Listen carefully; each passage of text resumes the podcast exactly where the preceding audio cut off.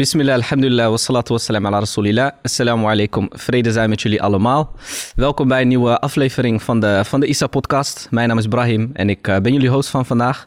Naast mij heb ik een eh, hele goede vriend van me. Ik ga je dit keer geen tik op de schouders geven. Het viel me op dat ik dat deed. Het is geen eh, psychologische truc of zo of iets. Het is gewoon spontaan.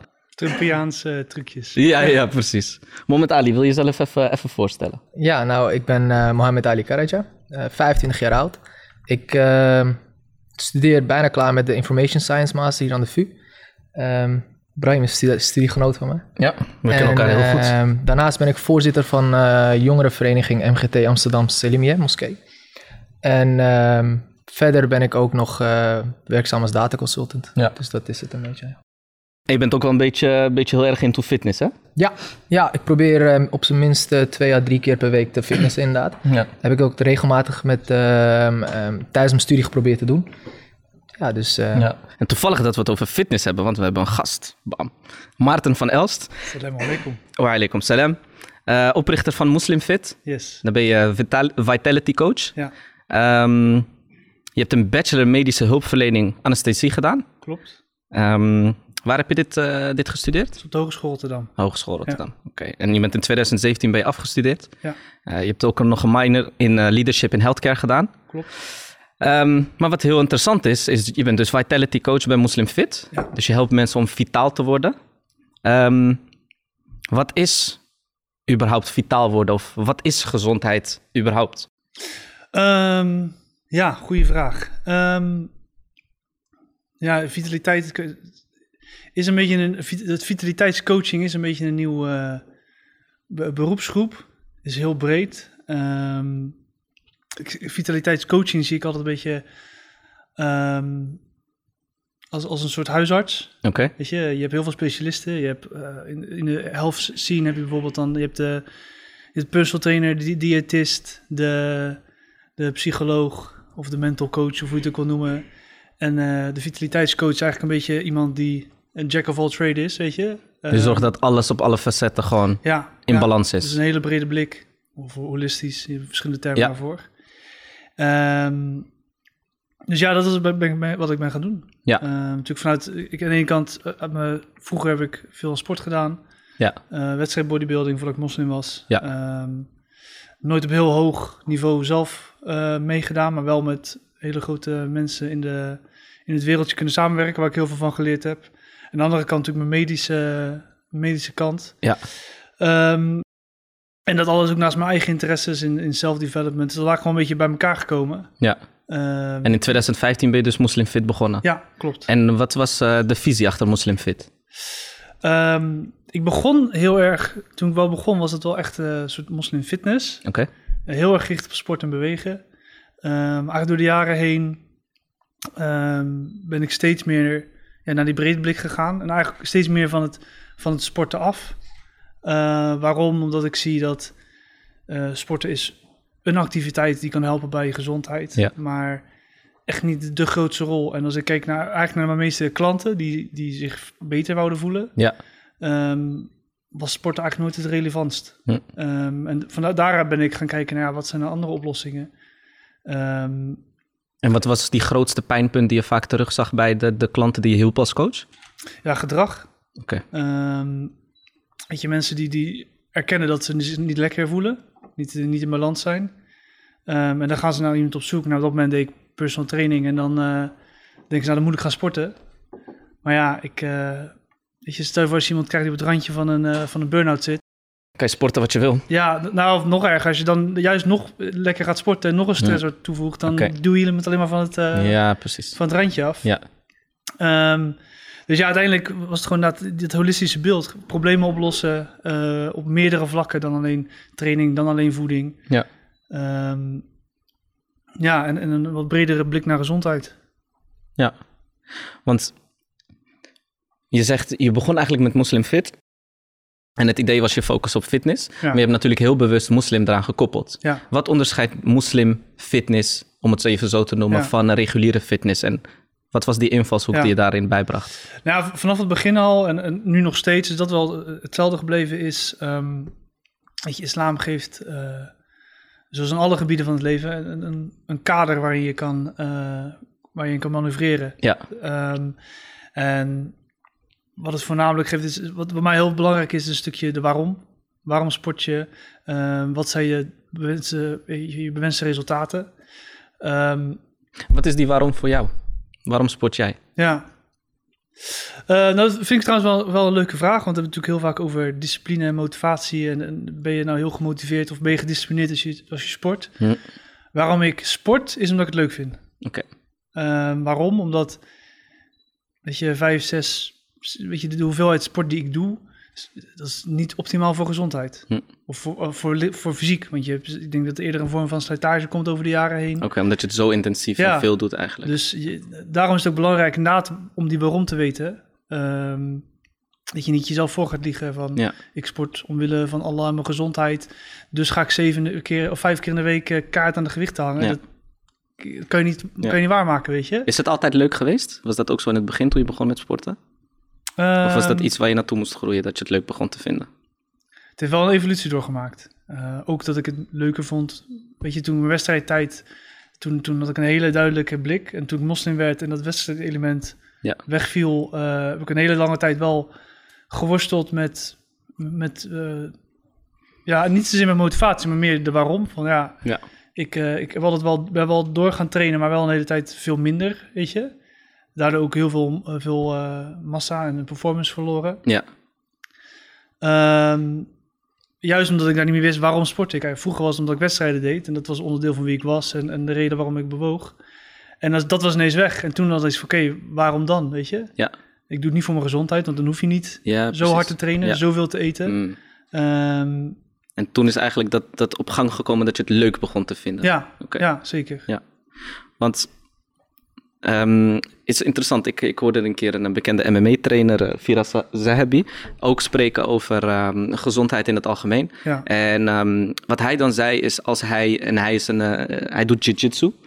Ehm, dus weet je, veel eh, op de mat, veel worstelen en, en dat soort dingen. En hij vertelde toen eigenlijk, ehm, ik ga nooit, ik zoek nooit het randje op.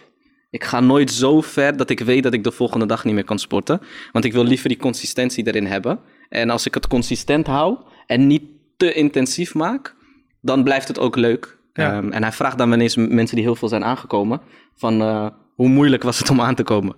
Weet je, Eh, ja, is niet moeilijk. Je, je eet, je eet en, en je vindt het ook leuk op dat moment. ja. Dus hij probeert eigenlijk mensen het, het leuk te maken voor mensen om te sporten, omdat het dan ook makkelijker vol te houden is. ja.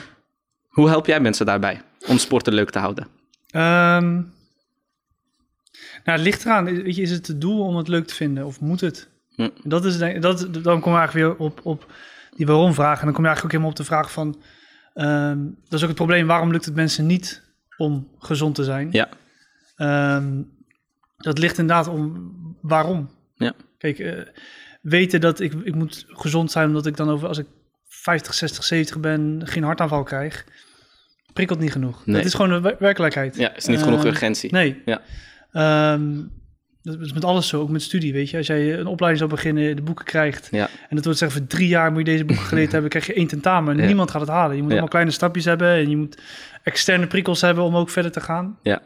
Ehm, zoals ik altijd met mijn klanten doe, is eerst gaan kijken... Goh, wat is gezondheid? Ja. Ehm, sowieso is het individueel. Ehm, weet je, überhaupt is het voor heel veel mensen niet duidelijk... zelfs voor professionals niet duidelijk wat gezondheid is. Als je bijvoorbeeld kijkt naar de definitie van gezondheid... Je hebt eh, weet je, het leidende orgaan in, in de medische wereld, de World Health Organization. Ja.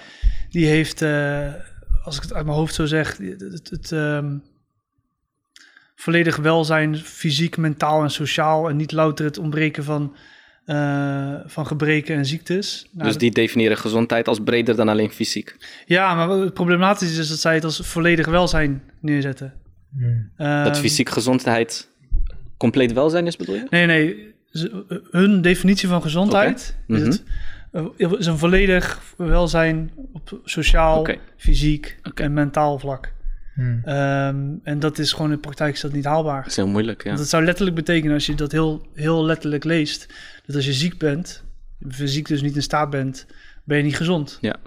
Ehm, en dan krijg je heel veel last, vooral nu in, in een tijd dat we leven met heel veel chronische ziektes, zoals eh, overgewicht eh, en suikerziekte. Dan dan per definitie iemand met diabetes niet gezond, kunnen zijn. zijn. Hm. En dat denk ik niet. Iemand kan, of iemand die een been mist, zou ook niet gezond kunnen zijn. Wat is jouw definitie van gezondheid? Ehm, het is wel leuk, er is een Nederlandse professor die heeft eh, een definitie gegeven, die vond ik een heel stuk beter passen.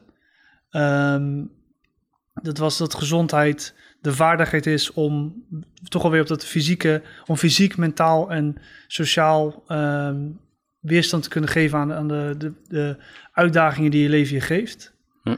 En als je, dat vond ik een hele mooie definitie. En ik, denk, als het een beetje de werkdefinitie is, dan als ik dan het islamitische kader erbij ga halen, is, ehm, weet je, waarom zijn we als moslims op deze aarde? Ja, dat is om, om Allah te aanbidden. Dan zou je het zo kunnen definiëren als, Ja. weet je, dat gezondheid is, ehm, weet je, de mogelijkheid om op een fysiek, sociaal en mentaal en spiritueel vlak eh, je daden van aanbidding te kunnen uitvoeren. En ook om alle beproevingen in dit leven aan te kunnen. Mm. En zo zie je dus dat, in, dat gezondheid wordt iets individueels. Ehm, ik voel mij niet gezond wanneer ik niet vijf keer in de week kan sporten. Want het is iets dat ik graag wil. Dat is onderdeel van wie ik ben. En als ik dat niet doe, dan voel ik me uit balans. Ehm, weet je, als een, als een marathonloper geen marathon kan lopen, dan voelt hij zich maar één keer in de week of maar 10 kilometer kan lopen, dan voelt hij zich niet gezond. Ja.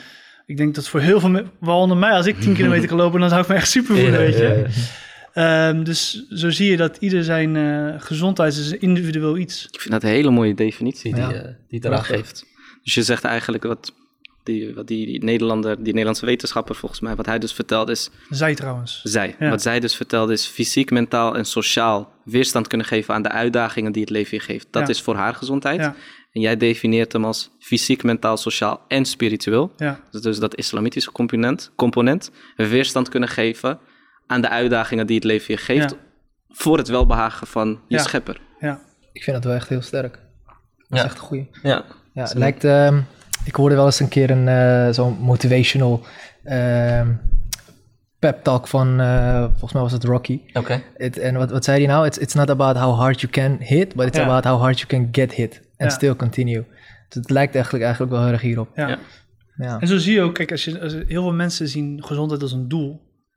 Ehm, ja, kijk, als je op deze manier naar gezondheid kijkt, weet je, als een middel, of tenminste de mogelijkheid om je weerstand te kunnen bieden en Ja. om het welbehagen van je Heer te halen, dan wordt het een middel. Ja.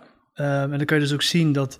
ehm, dat is, dat is, daarom is het belangrijk om te weten. Want er zijn heel veel dingen in de islam die, ehm, als we de World Health Organization aanhouden, niet gezond zijn. Ja. Bijvoorbeeld vasten. Natuurlijk zijn er wel gezondheidsvoordelen aan, maar vooral in de zomer. Ja.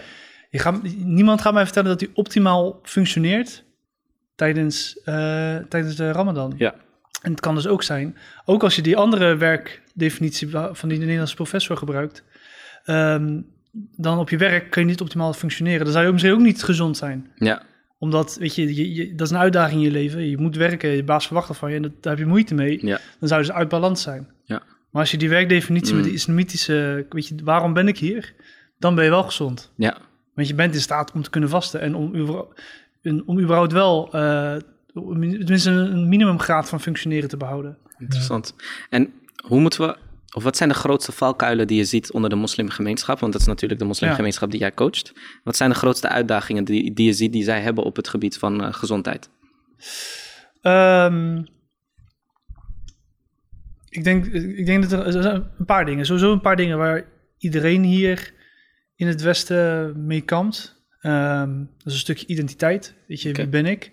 Ehm, je ziet natuurlijk, dat was ook heel mooi. Ik was laatst op een eh, symposium over burn-out. En daar eh, was een arbeidsfilosoof die ons vertelde dat voor mij de eerste keer in de geschiedenis was dat eh, deze jonge beroepsgroep van, van 18 tot 25 burn-out verschijnselen Ja. Ja. weet je, heeft. Ik las een artikel, volgens mij was het NOS zelfs, dat er een elfjarige was die, die een burn-out heeft gehad. Ja, Ja. en het, weet je, en hij, ga- hij gaf daar een hele mooie voorbeeld aan. Hij, linkt het een beetje met deze huidige maatschappij en ook wat je heel erg ziet nu, ehm, weet je, die performance drive. Weet je, nu heb je leven in een tijd waarin wordt gezegd dat je in theorie kan je alles bereiken. Ja. Je kan van, en dat- speelt vooral in onze gemeenschap heel erg. If your mind can perceive it, you can achieve ja, it. Weet je, we zijn immigranten en we komen hier en we hebben hier in dit, deze om- omgeving hebben wij de kans om alles te bereiken in ons leven. Ja. En we zien heel veel vooral bij de wat meer Aziatische moslims, dat als je geen dokter wordt, dan, dan Mm. al word je astronaut, je moet dokter worden, weet je. Maar je moet wel, het zijn wel hele hoge eisen waar je aan op moet leven. Dus impliciet zeg je, als, je, als het je niet lukt, is het jouw schuld. Ja. Ja. En dat is het probleem. Is omdat je, we leven nu in een tijd dat ons wordt op Instagram, op, je, van die slappe halve aftreksels van, van quotes van... Ja. Ja, nou wat je zei, a- allemaal van als, Ja. jij, je, als je, jij het gelooft, dan kan je het. En Ja. dat, eigenlijk zeg je dus, als het je niet lukt, dan is het jouw schuld. Ja. Maar ik geef altijd een hele simpele analogie. Met sport kan je er heel makkelijk mee werken. Je een Lilliput zal nooit een nieuwe LeBron, LeBron James worden. Ja. Ja. Het grappige is, echt mensen die heel erg in geloven, die gaan daar nog in tegen. In, tegen maar ja, maar je weet nooit, weet je, misschien is hij echt, als, maar, misschien, is, push-ups doet. misschien brengt hij juist iets bijzonders. Weet je, Ja, nee, je moet gewoon als je realistisch bent. En, Ja. ook, Ja. en daarom is ook weer, vind ik het, het bijzondere van moslimfit is dat je een stukje akida erin verwerkt, is dat Geloofsleer. Ehm, geloofsleer. Van, weet je, dat westerse denken is van, jij, als jij hard werkt, dan kan je je het er bereiken. Ja. Ja. Datgene wat je bereikt, ligt aan hoe hard jij werkt. Wij als moslims weten dat, weet je, datgene wat, er in, wat erin gaat, is niet de output. Allah bepaalt wat de uitkomst Mm. is. Het is ook een Eh, hele mechanische kijk eigenlijk. Een soort, Ja. soort fabrieksdenken. Ja. Als ik deze fabriek maar lang genoeg aan, en hard genoeg aan het werk zet, dan, eh, dan krijg ik wel het Ja. resultaat wat ik wil. Maar er zijn zoveel variabelen natuurlijk waar je geen, eh, geen controle op Klopt. hebt. En die variabelen die, die, die zijn eh, in ons perspectief natuurlijk in handen Ja. van, eh, van de schepper. Ja, maar dat is wel echt terecht, want dat, dat herken je wel, weet je. Je hebt tegenwoordig iedereen, dat noemen ze de millennials toch? Ja. Die hebben echt van, I can be whatever I want. En, eh, maar dan zie je ook dus, ik denk dat dat misschien ook een van de oorzaken is waarom mensen zo depri, eh, depressief worden. Ja. Nadat ze dingen niet halen of dingen niet gaan zoals ze dat willen. Omdat ze gewoon, eh, dat, ook, ook onder de moslimjongen, dat ze even dat stukje qadr toch wel even vergeten. Ja. Ja, Voorbeschikking. ja, Dat hetgene wat jou overkomt, dat dat voorbeschikt is. ja. Dus ja, dat zie ik inderdaad Ja. ja. het verkeerd begrijpen en heel erg westers denken. Ja. eh, in, in begrippen waar, waar je als moslim eigenlijk in moet geloven dat het heel anders werkt. Ja. Wat heel bevrijdend kan werken, Ja. mentaal. Ja, social media depressie, dat is nu, nu ook een ding aan het worden. Daar zijn ook onderzoeken naar. En, dat, en die tonen aan dat, weet je, iemand die veel op social media zit, dat die een grotere kans heeft om, eh, om depressief te zijn. Een kleine kanttekening vind daarin, ik, je bent geen psycholoog, maar ik lees onderzoeken wel. Mhm. Is dat altijd de vraag van, ook bijvoorbeeld met, met hoeveelheid selfies die je maakt. Zijn het, weet je, zijn dat mensen die daar depressief van worden? Zijn het mensen die dat doen omdat ze Depressief zijn. de- narcistische trekjes hebben, dat soort dingen, weet je? Dus Ja. dat is altijd wel een keerpunt, Tuurlijk. maar het is wel, Ja. het is wel een, een- weer een optie, weet je? ja er zit nog De, wel de wegen worden makkelijk geopend in deze tijd. Ja, en het had ook wel een beetje te maken met, eh, ja, de nuance lag erin. Is, je hebt sommige mensen die heel eh, zelf, zichzelf schuilen tegenover, de, tegenover het openbare publiek of te- over meningen te horen. En eh, juist voor sommige, voor dat soort mensen kan het juist heel erg juist werken om, om zichzelf te kunnen eh, te tonen op social media. Of Tuurlijk. tenminste om actief bij te dragen of een mening te verkondigen. Tuurlijk. Dus eh, Maar hoe, ja, het dat is, snap ik. Maar hoe ik hem insteek is eigenlijk als eh, eh, toeschouwer, weet je. Als toeschouwer, als jij op Facebook en Instagram ziet, zie je zoveel succesverhalen. ja, Ehm, en wat je ook zegt natuurlijk, het stukje qadr, het stukje voorbeschikking waar we geen eh, Ja. invloed op hebben. Ja. Ehm, toevallig laatst bij een soort, soort mi- mindset training die we hadden, ehm, werd ook verteld van vergelijk jezelf nooit met anderen. Ja. Want je vergelijkt jouw eerste hoofdstuk met het honderdste hoofdstuk van een ander. Ja. Ehm, en zo Gary Vaynerchuk die dan ook vertelt, weet je wel, van je bent geen mislukkeling, je bent gewoon onderweg, je bent pas begonnen, weet je wel. ja. Dus ik denk, denk zie jij ook een, een, een correlatie tussen social media en de prestatiedruk die we tegenwoordig heel veel voelen?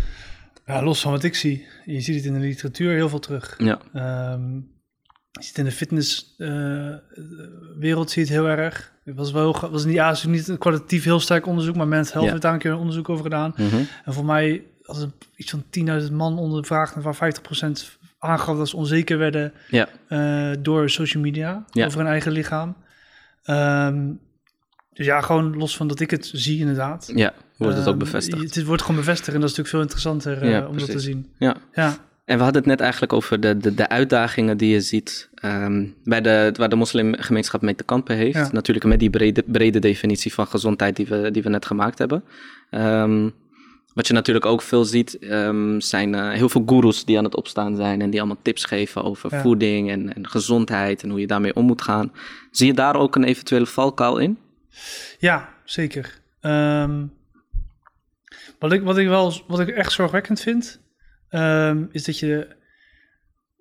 kijk, eh, weet je, ik ben geen, ik heb niet, ik heb niet op de universiteit gestudeerd, maar weet je, wij leren ons wel, natuurlijk, vooral als je met wetenschappelijk onderzoek aan de hand gaat, Ja. bestaat dus als confirmation bias, weet je. Je wilt iets dat, dat iets klopt en dan ga je heel snel eh, jouw eigen waarheid zien in, in cijfers die er misschien niet is. Dus die confirmation bias is eigenlijk, jij gelooft iets en dat wil je graag terugzien in de dingen die je om Ja. je heen ziet. Ja. En eh, wat je heel sterk terugziet bij de moslimgemeenschap is dat ehm, als, als er iets is binnen onze islamitische traditie, bijvoorbeeld het vasten, Ja. en we zien dan ineens onderzoeken over intermittent fasting, ehm, weet je, dat lijkt op elkaar, dus dan moet het gelijk wel waar zijn. Hm. En dat vind ik heel gevaarlijk, is dat je bij heel veel eh, moslims die die confirmation bias ziet van goh, en dan zie je echt ontzettend echt baggeronderzoek over sport, maar ook over mentaal, weet je, dan als het over eh, weet je, meditatie, zo zie je heel veel moslims die gaan naar de mindfulness, want het lijkt een beetje op het gebed, weet je, dat soort dingen. En dat is heel gevaarlijk, weet je, ik denk we heel kritisch moeten blijven en Ja. ehm, weet je, die, dat is die, daar moet je voor oppassen, is dat eh, onze religie is waar, Ja. maar niet alles, ook al zijn er wetenschappelijke onderzoeken die, die, die fenomenen, ook al zouden ze desnoods, desnoods echt onderdelen van onze religie bezoeken, Ja. bekijken, dat, dat zijn menselijke bevindingen. Dat is geen wahi, dus Ja, ja, eh, precies. Klopt. het is geen openbaring, dus dat Ja. is heel gevaarlijk. En weet je wat nou ziet in, ook in de, genees, in de geneeskundige hoek? Ehm, dingen als honing, eh, zwarte zaad, olie, eh, hijama, dat, dat valt onder... Vooral hijama, dat, valt onder, dat is een alternatieve geneeskunde. Dat Ja. wordt bes- ge- gelabeld door de, de medische wereld.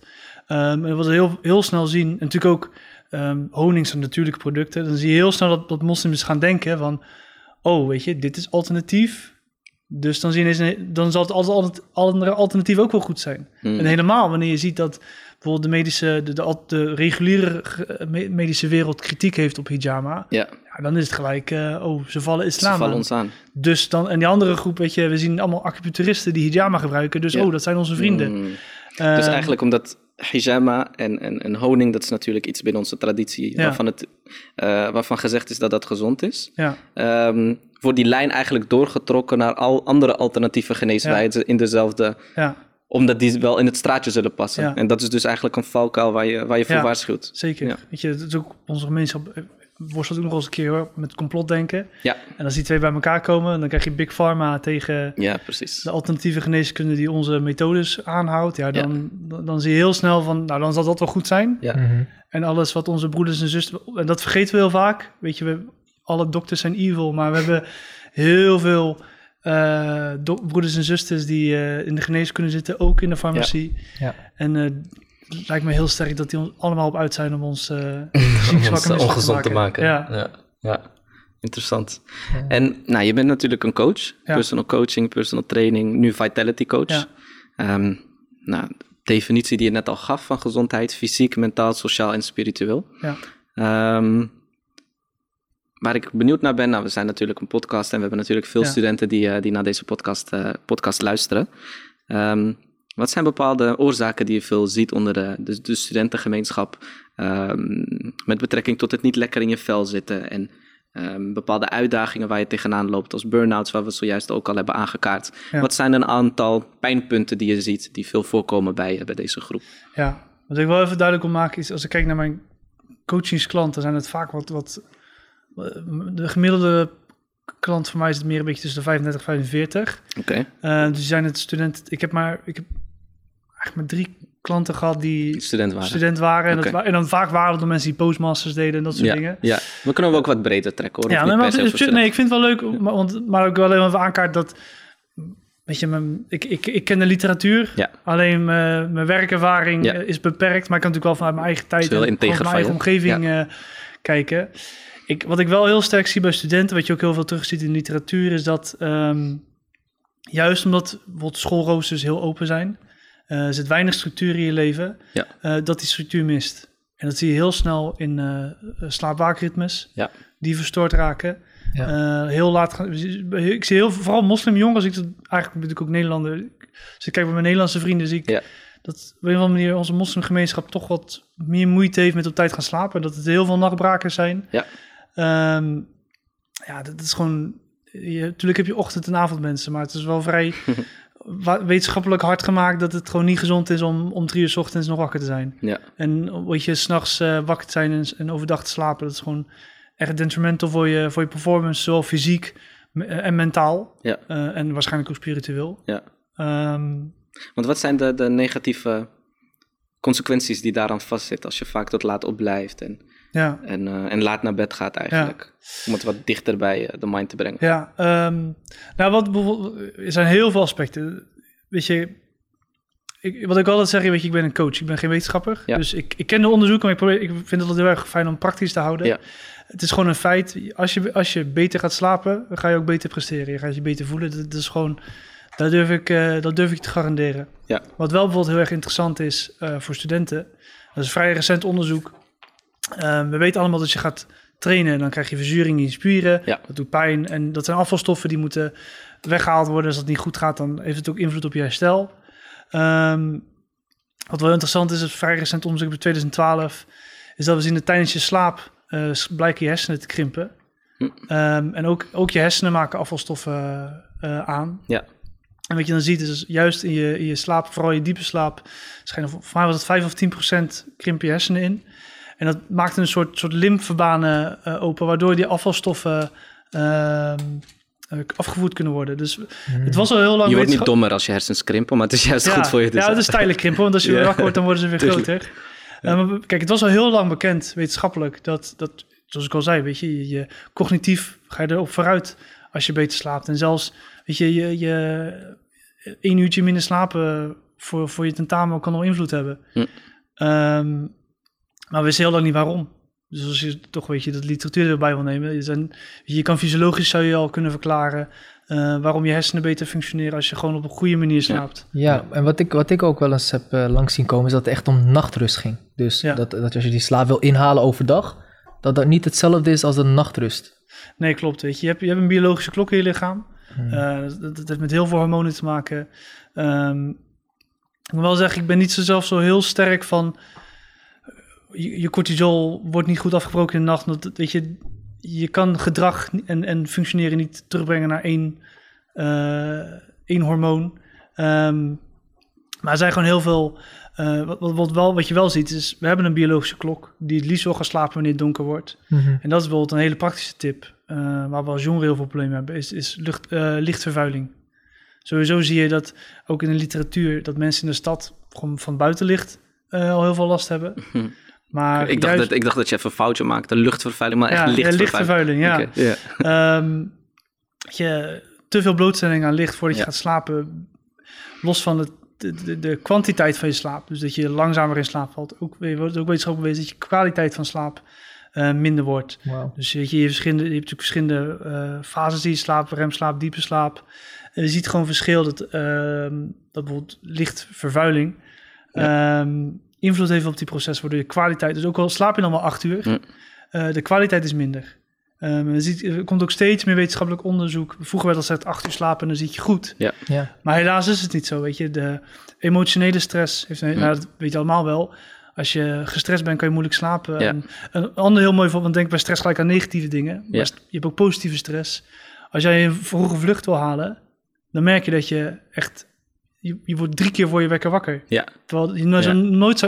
Soms word je om drie uur s'nachts wakker. Oh, oh nee, ik moet nog drie uur slapen. Ja, ja, Maar dat is iets positiefs. Ja. ja. Maar ja, hoe komt dat je wakker wordt? Ja. Omdat je niet... Je, je hebt zoveel emotionele... Gaat zoveel, Mm. Je hebt geen diep slaap. Ehm, je En als je dat hebt een langdurig lichtere, hebt- lichtere slaap. Dat betekent wel dat je herstel wordt minder. ja, precies. Heb je dat één nachtje is geen probleem. Ja. Ehm, dat is ook weer het onderdeel van, van, van burn-outs. En dus weet je, het is gewoon het niet kunnen herstellen. Ehm, als je veel emotioneel, eh, veel emotioneel, emotionele stress hebt, en het hoeft niet alleen maar negatief te zijn, het kan ook positief, je kan ook heel, heel enthousiast zijn, dan kan je Ja. ook een last van tentamen die je ondervinden. Ja. Zie je gewoon dat dus de kwaliteit van je slaap eh, heel erg naar achter gaat. Ja. En dat is ook voor studenten weer. Dat is wel grappig als je bijvoorbeeld kijkt. Je, heel veel onderzoeken naar worden bij studenten gedaan, omdat professoren gewoon die het makkelijk voorhanden hebben. Ja.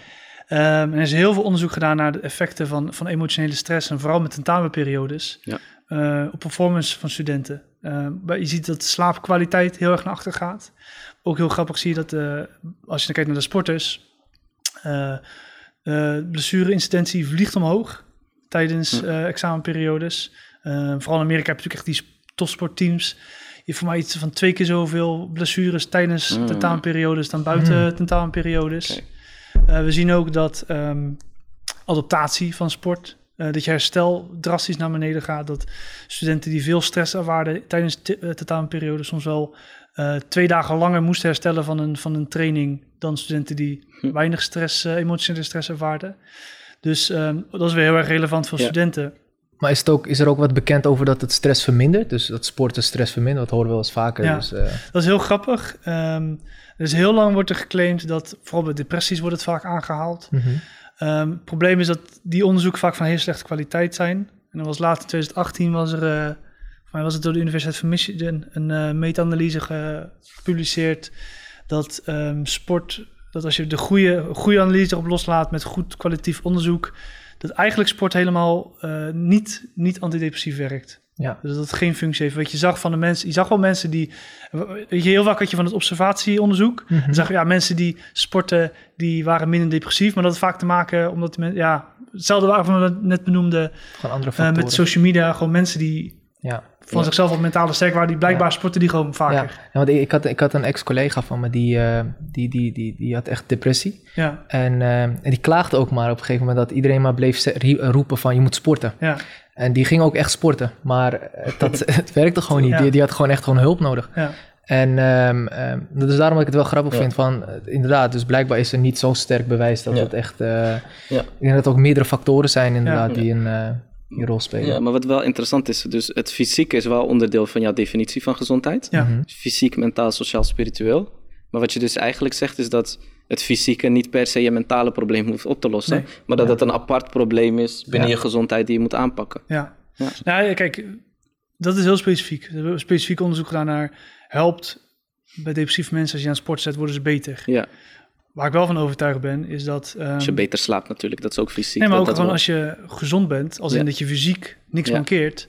Weet je, als je alles kan doen wat je wilt, Ja. niet beperkt wordt je doen en laten, dat zal zeker wel helpen bij mentale weerstand. Ik denk Ja. dat iemand die net geopereerd is, Hm. die in een rolstoel terechtkomt, dat, daar word je niet vrolijk van, weet je? precies. Dus tuurlijk, weet je, oké, en daarom zeg ik, dat is, daarom ben ik vitaliteitscoaching gedaan. Alles heeft met elkaar te maken. Alleen. En juist, en dat, daarom ben ik ook weggestapt van personal training, is dat sporten is niet de oplossing voor alles. En heel vaak kan het zelfs, wordt het alleen maar een groter probleem. Want dan heeft iemand, is iemand al onzeker en dan ga je hem ook nog eh, focus laten leggen op zijn lichaam en hoe die eruit ziet. En Mm. dat brengt maar het probleem alleen maar groter. Ja, precies. Ehm, daarom is het over. Dus kijk, als je, het is makkelijker om mentaal gezond te zijn Ja. als je fysiek goed in elkaar zit. Maar het, het is, het, een is geen voorwaarde voor het ander. Ja, dus het is niet direct verbonden aan elkaar. En dat je kan zeggen, als je fysiek goed bent, ben je mentaal per definitie ook goed. Klopt. Maar ze Je hebben wel een correlatie.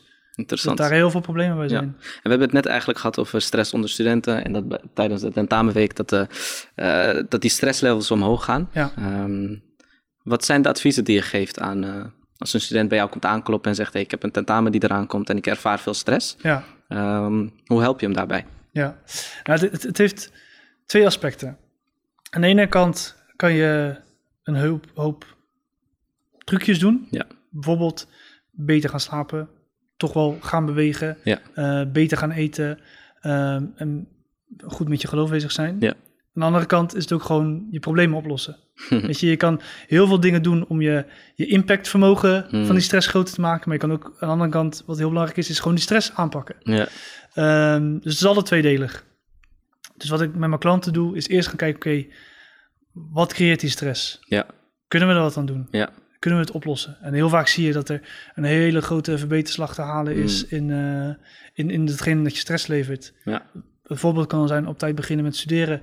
Ehm, ook, ook weer wat we net zeiden met een stukje Akida. Goed, eh, eh, hoe zit het met je tawakkul? Weet je? Ja, hoe je zit het met je vertrouwen in vertrouwen in Allah? Ja. Ehm, heb je irreële angsten? Weet je, wat, wat gaat er in je hoofd rond? Wat kunnen we verbeteren? Ehm, dus dat is het, het operatie, dat is echt het stressgerelateerde stuk. ja. We kunnen ook weer gaan kijken, oké, hoe wat, wat voor impact heeft deze stress op je leven? En dan kom je Ja. inderdaad weer op die hele praktische dingen uit. Ehm, bijvoorbeeld even naar slaap kijken. Er was laatst een heel leuk onderzoek dat hadden ze een groep mensen gingen ze echt in een slaapcentrum ook de, de diepe slaap en remslaap meten. Ja.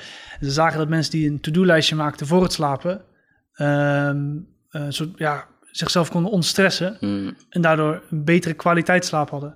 Ehm, Want het it's taken care of. Het staat al ergens. Ik hoef Ja. er niet meer over na te denken. Ja. Ja. Ehm, dus kijk, het is altijd het heel... Ik, het is, het is lastig, want je, je kan 100%, je kan honderd dingen doen. Ja. Zoals een lijstje maken of, of gaan met sporten. Maar het is ook heel erg afhankelijk van de persoon. Ja. Eh, ten eerste waar die last van... Kijk, ik moet heel erg... Het moet bij mij echt wel iets heel, heel extreem zijn... wil ik mijn slaap beïnvloeden. Ik kan heel makkelijk slapen. Ja. Als ik eh, in een bus zit, dan val ik slaap. Eh, Ik hoop niet eh, aan tafel hier. Ja. hoor. ik moet daarom... Laat me, laat me praten, dan val ik in slaap. We doen nog wat koffie. ja.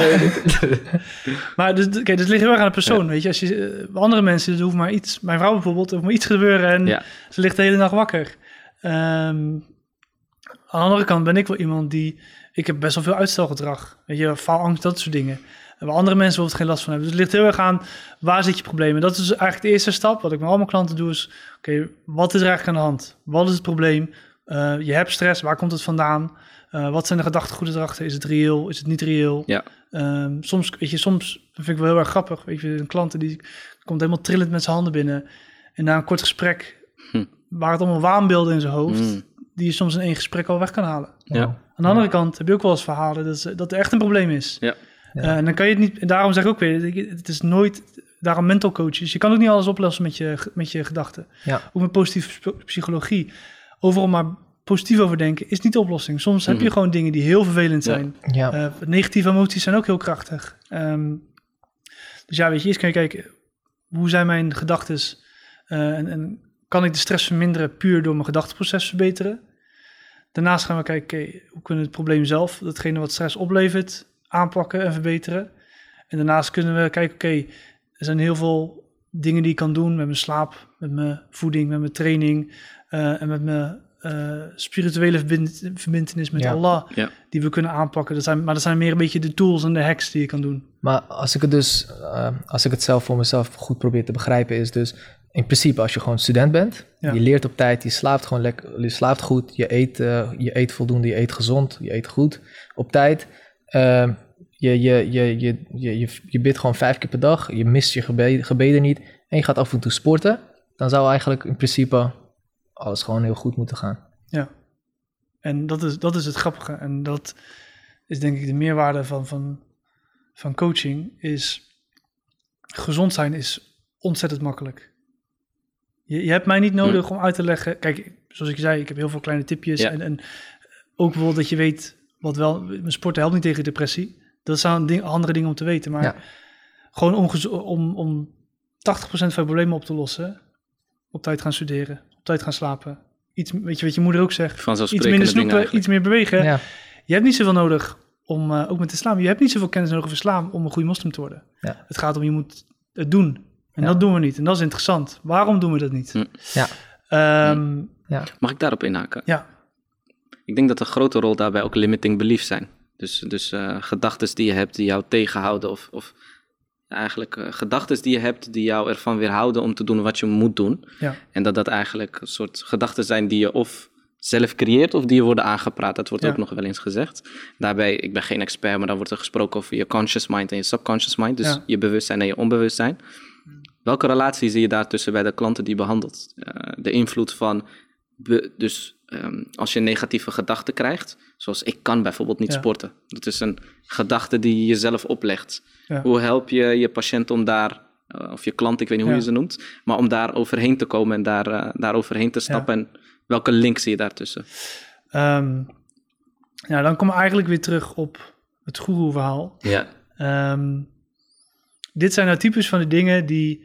eh, eigenlijk is het letterlijk wat ik je net vertelde, is Mhm. dat dat stukje mindset wordt, is nu zo populair, Ja. wordt zo verhemeld. ja, Eh, weet je, de Tony Robbins en dat Ja. soort figuren. ja. Letterlijk van, het zit allemaal tussen je hoofd. Ja. En dat is niet zo. nee. Tuurlijk, tuurlijk, weet je, kan faalangst hebben. Ja.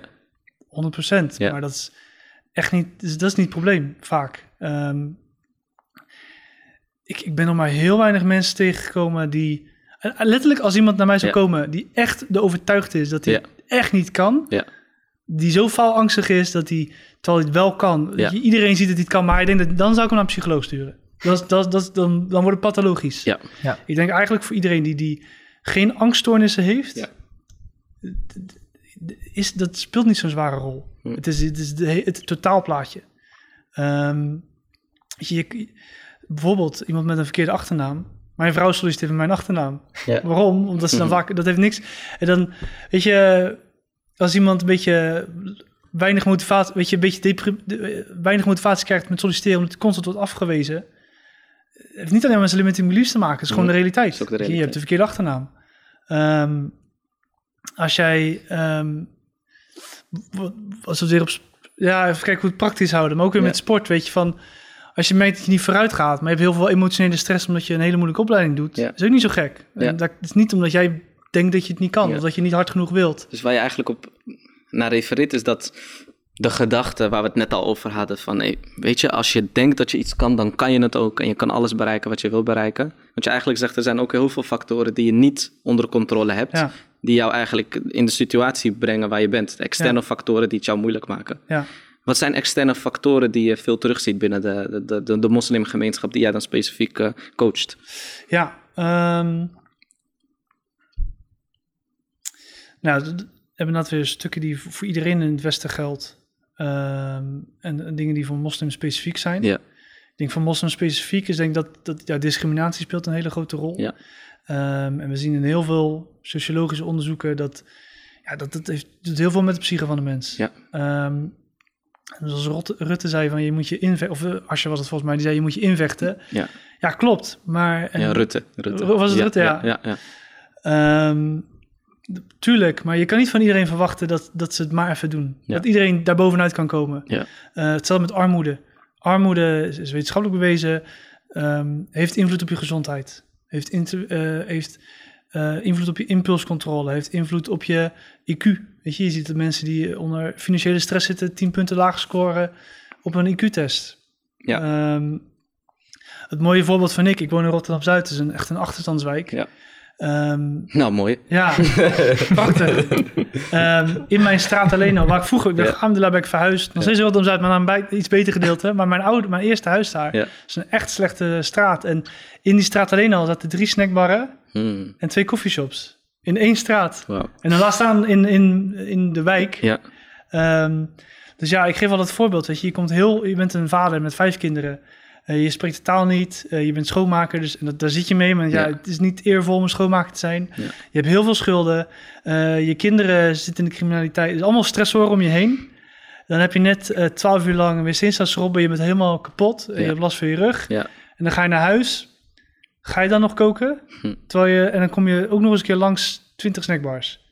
Ja, dan, dan is het heel lastig om, om weet je, dan heeft het niet met impulscontrole te maken. Het heeft met omgeving te maken. Ja.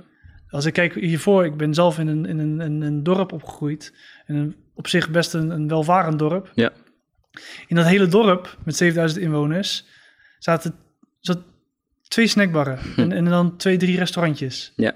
Maar twee snackbarren voor 7000 inwoners. Ja. Het is heel, weet je, als ik naar huis, als ik naar school, ik, als, als ik in het dorp ging, ik zag die snackbar niet. Ja. Gewoon niet. Dus ik, Ja. ik moest er, dus ik wou, moest ik erheen gaan, weet je. Ze bezorgde ook niet, want dat bestaat natuurlijk niet daar. Ja. Dus ik moet ook nog zelf naartoe gaan. Hmm. Ehm, Wat ik probeer te denk, bedenken, is het het kip of het ei verhaal? Is dat, dat er zo weinig snackbars zijn omdat de behoefte minder is? Of omdat, eh, ik weet niet, planmatig zo georganiseerd is? Of is misschien een beetje is maar ik ben wel hele, hele, benieuwd. het is een hele goede vraag. Ja. Maar ik, ik denk dat het zeker met elkaar te maken heeft. Ja. Eh, je, kijk, wat wel zo is, als je, een overle- als je voor je hebt schulden, en je zit en dan kom je in een Tuurlijk, dan ga je ook niet naar een vijfsterren restaurant. Nee, daar ben je niet mee bezig. Ja. Je, bent ook niet, je bent niet bezig met je, zowel voor jezelf zorgen, Ja. maar met jezelf om te overleven. Dus Mm. Klopt. eh, ik denk dat de vraag naar junkfood ook, weet ik, dat is een aanname van mij, dat die Ja. verhoogd wordt. En Ja. dan krijg je inderdaad, wat het eerste is, weet ik niet, maar het versterkt elkaar in ieder geval wel. Weet je, je ziet uit onderzoek dat je impulscontrole naar beneden gaat. Ja. Aan de andere kant zie je het gewoon, dat het zo is. Ja. Kan ik me ook heel goed bij voorstellen. Maar nu we het toch over junkfood en voedsel hebben. Wat ik wel eens vaker hoor is dat eigenlijk je, je dieet zelfs belangrijker is dan je training. Ja. In hoeverre klopt dat? Of, eh, Eh, ligt er een beetje aan waar je het over hebt. ja, dus als we als je- bijvoorbeeld Als echt je het over over sporten- gewichtsverlies hebt bijvoorbeeld, Ja, 100%. Ehm, waarom? Eh, het afvallen, ge- gewicht, eh, ja. Als je wil afvallen of wil aankomen, dan krijg je gewoon te maken met je energiebalans. Dus dat betekent, ehm, hoeveel energie krijg ik door mijn voeding krijg ik binnen en door je drinken. Eh, en hoeveel gaat eruit. En, en dat is gewoon een soort, ja, het is gewoon een soort rekensonnetje. En als je minder binnenkrijgt dan dat je eet, Mhm. dan val je af. En andersom, als je meer binnenkrijgt dan je eet, dan kom je aan. Ehm, het, eigenlijk het enige wat sport doet, is dat je door het bewegen calorieën verbrandt. En als je gaat kijken wat je daadwerkelijk verbrandt met sporten, valt best wel tegen. Als je kijkt hoe, hoeveel cardio je zou moeten doen om een boterham met pindakaas, dan ben je echt een half uur bezig. Ja. En het is veel makkelijker om die boterham met pindakaas niet te eten. Dat is veel minder moeite. Ehm, wel een kleine kanttekening daarnaast. Was, was, was een, eh, een, eh, een wetenschapper die ik volg, die gaf een keer een heel, heel mooi voorbeeld. Hij eigenlijk hij, je moet sporten voor je gezondheid en je moet diëten voor je, eh, voor je gewicht. Dan nog wel, kijk, het klopt wel. Sport heeft bepaalde gezondheidsvoordelen, cardiovasculair, noem het maar op. Dat je niet met, trainen, met voeding krijgt. Aan de andere kant zie je ook bijvoorbeeld met bepaalde orgaanvervettingen, dat is weer heel, heel gedetailleerd, bepaalde orgaanvervettingen gaat eigenlijk alleen maar echt goed weg met, met, met sport. Hmm. Maar over het algemeen is, is dieet heeft qua gewichtscontrole de overkoepelende factor. En het, Ja. grap- het is zo grappig is als je ziet dat mensen die gaan sporten, ehm, dat gaan compenseren door, je hebt zeg maar je, je, je actieve activiteit, maar je hebt ook je, je, je en we zeggen je non-exercise activity, dus dat je loopt, eh, de trap neemt, dat soort dingen. Je ziet dat mensen bijvoorbeeld die trainen, dat buitensportschool ze minder gaan bewegen. Dat ze vaker de lift nemen, vaker de roltrap, dat soort dingen. Ja, dus, dat herken ik mezelf wel. ja, maar dat is heel grappig. Je ziet het Ja. onderzoek is als dat dat zich co- compenseert. Is dat, dat mensen meer gaan sporten, dat ze daarna moe zijn, gaan uitrusten, thuis gaan zitten, thuis minder doen. Waardoor je letterlijk datgene wat je daar verbrand hebt, dat verlies je hier weer. klopt. En je ziet ook juist dat bijvoorbeeld, vooral met cardio zie je dat cardio geeft een hele sterke hongerprikkel. Ja. Eh, je ziet zelfs dat sommige mensen, uit als je gewoon observationeel onderzoek kijkt, dat mensen die gaan sporten ehm, meer gaan eten en daardoor meer binnenkrijgen dan, als ze niet, dan de mensen die niet sporten, dan de Ja. controlegroep. Ja, Ehm, Ja, ik vind het wel heel interessant om te zien dat gezondheid eigenlijk zoveel verschillende factoren heeft. ik vind het ook best wel herkenbaar ook, alles wat hij zegt. Ja? Ook, ja. Ook in mijn omgeving hoor. Dus eh, ik zie heel veel vrienden van me die, die, die wanneer ze beginnen met sport, dat ze opeens veel meer gaan eten. ja. En ook eh, wat ik bij mezelf herken is dat ik het ga compenseren doordat ik na het trainen, dat ik vaak juist ja, dan vaker de lift neem of juist eh, inderdaad dan compenseren om minder te gaan Ja. bewegen. Inderdaad. Ja. Wel heel interessant inderdaad. Ja. En we eigenlijk inhaken op het vorige punt dat je maakte over die externe factoren die je beïnvloeden. Eigenlijk heb je een best wel genuanceerd, genuanceerde visie. Je kan niet alles zelf doen. Nee. Dat, dat hele plaatje wat er wordt eh, gecreëerd van, weet je, als je het wil, dan kan je het. Dat Ja. is niet de realiteit. Er zijn heel veel externe factoren die je beïnvloeden. En begrijp ik het goed dat jij als coach er eigenlijk wil, voor wil zorgen dat mensen door te werken aan hun brede visie van gezondheid, ze juist weerbaarder worden tegen die externe factoren. Dat het eigenlijk een soort wisselwerking is van eh, begrijpen enerzijds dat je niet alles kunt doen wat je wil doen en anderzijds ook dat die externe invloeden jou, eh, dat, dat, dat die gewoon inv- invloed hebben op, eh, op wie jij bent als persoon. Ja, zeker. Weet je, wat wel interessant is, kijk, zoals ik zei, je kan niet alles beïnvloeden. Nee, Discriminatie bijvoorbeeld kan je niet zelf even oplossen. ja, Maar je kan wel een hele grote invloed hebben op je, eh, op je omgeving. ja. Ehm, Waardoor wel- jij weer anders reageert daarop ja, natuurlijk. Als je ja. bijvoorbeeld hebt over discipline, wilskracht en dat soort dingen. Eh, dat was een heel leuk onderzoek, is dat ehm, ze gingen bij verschillende studenten gingen ze de, de discipline en wilskracht en impulscontrole meten. En dan gingen ze uiteindelijk kijken ehm, hoe goed ze hun doelen konden bereiken. Ja. In het onderzoek bleek ehm, dat mensen die verleidingen kwamen, dat waren dus externe prikkels. ehm, hoe meer verleidingen, hoe slechter mensen eh, functioneerden. Ook de mensen Ja. met een, die, waar wel gemeten was dat ze een hogere impulscontrole en een Ja. hogere discipline hadden. Maar wat nou heel opmerkelijk was, dat eigenlijk de mensen met veel discipline, die hadden, die hadden zo'n een, een leven voor zich gecreëerd dat ze minder vaak die wilskracht of discipline Hoefde te gebruiken. hoefden te gebruiken. Mhm. Dus, het, dus het- ze hadden het meer, maar ze, Mhm. ze hadden minder verleidingen. En dat was wel, was, waar het zijn twee onderzoeken, eentje bij studenten en eentje gewoon bij volwassenen. En iedere keer komt het meer, de mensen waar wij, het is altijd een beetje subjectief, maar bij bepaalde eh, metingen waren gedaan waardoor ze een hogere impulscontrole hadden, gebruikten hun impulscontrole minder vaak. Ja. En dat is wat ik heel vaak met klanten doe. En het is heel simpel, weet je. Ehm, je, ga niet met honger winkelen. Of Ja. Koop geen snoep, weet je. Dan eet je het. Als ik, als ik een huis eet, dan gaat die op, weet je. Ja, ja, ja. Ehm, en zo zijn er heel veel trucs waardoor je met de juiste mensen omgaan. eh, een, een invloed kan hebben. Dus los van dat je zelf weerbaarder wordt. Ja. is het voornamelijk wat, we- wat we heel vaak doen in coaching is ervoor zorgen dat die hele discipline en wilskracht niet nodig is. Ja, want ik vind het wel echt eh, eh, heel sterk dat je dat ook benoemt. Van, eh, waar, waar ik zelf wel eens persoonlijk over heb nagedacht, is... ehm, ik vind discipline zelf heel belangrijk. Ja. En ehm, ehm, ik was ooit een keer naar zo'n een open dag van Defensie... waarbij een, een officier aan iedereen vroeg... wie heeft vanochtend zijn bed opgemaakt? En je zag maar twee of drie, en, een enkeling in een hele zaal zijn hand opsteken. En ehm, nou, hij, dat was een hele simpele voorbeeld om te laten zien wie nou wel gedisciplineerd was en wie niet. En ehm, eh, we hebben in Nederland eh, weet je, geen eh, meer verplichte dienstplicht meer. Nee. Ehm, dus ik weet niet of dat ook een enigszins een rol speelt met hoe, hoe dis- gedisciplineerd de jongeren tegenwoordig zijn, of de gedisciplineerde de, ja, de mensen tegenwoordig Ja, wil iedereen gewoon weer het leger in krijgen. gewoon de, En hierna komt hij zeggen, ja, maar in Turkije hebben ze het een mooi bruggetje naar Turkije. Hij moet sowieso naar voren Ja. komen. Altijd nummer één. Inderdaad. Wij Turken hebben wel dienstplicht. eh, Maar ja, dus, dus eh, wij zijn gedisciplineerd. Daarom dat we voor die tanks kunnen staan in, eh, tijdens een Ja. coup. Nee, maar... ehm, ehm, want discipline is dus wel heel belangrijk. Ehm, is, is dat ook een... Is dat ook een, een, een, een- van, herken je ook een belang, als, dat, als een belangrijk factor... waarbij mensen juist minder gezond gaan leven? Of, ehm, of, of ook dat ze minder trainen daardoor? Wat- Door discipline? Ja, maar wat jij eigenlijk zegt is, discipline is helemaal niet zo heel belangrijk. Het is, je moet er gewoon voor zorgen dat je die discipline niet hoeft Ja. te gebruiken. Dat je überhaupt niet in de verleiding komt waar je die discipline Ja. hoeft, hoeft te gebruiken, omdat... Dat eigenlijk, ik heb het al een paar ik heb al verschillende dingen genoemd. Armoede, stress, slecht slapen. Het zijn allemaal dingen die invloed hebben, wetenschappelijk bewezen, op je impulscontrole. ja, Dus kijk, het klopt. Sommige mensen hebben van Ja. nature of de opvoeding, nature, nurture, ehm, meer discipline. ja. Ehm, maar de Het omgevingsfactoren is niet een eindoplossing voor eh, alles. bijna alle Nee, onderzoeken zijn omgevingsfactoren zijn leidend daarin. Ja. Een heel mooi voorbeeld vind ik eigenlijk als je vergelijkt naar mijn, met mijn sportverleden. Toen ik wedstrijd eh, bodybuilder was, trainde ik bijna als een profbodybuilder. Toen dat wedstrijdelement wegviel, was mijn motivatie weg. Ja. En dan vraag ik dus, en dat, dat geef ik, zo leg ik heel vaak discipline uit. Ja. Op dat moment dacht, ik- zei iedereen, oh die maat die is echt gedisciplineerd. Hmm. Maar we zien heel vaak, en dat zei je ook een beetje, discipline als een soort karaktereigenschap. Ik, Mhm. ik ben, de woorden zeggen heel veel, ik ben gedisciplineerd. Alsof, van, alsof het iets is dat je bent.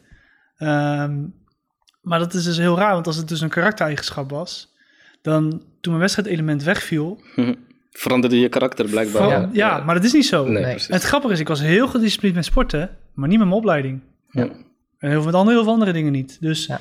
ehm, kijk, we weten wel bij Defensie, weet je, routinematigheid. Het, is allemaal, het zijn methodes om een bepaalde... Het is een, omge- je creëert een omgeving. Dus eigenlijk weer een omgevingsfactor.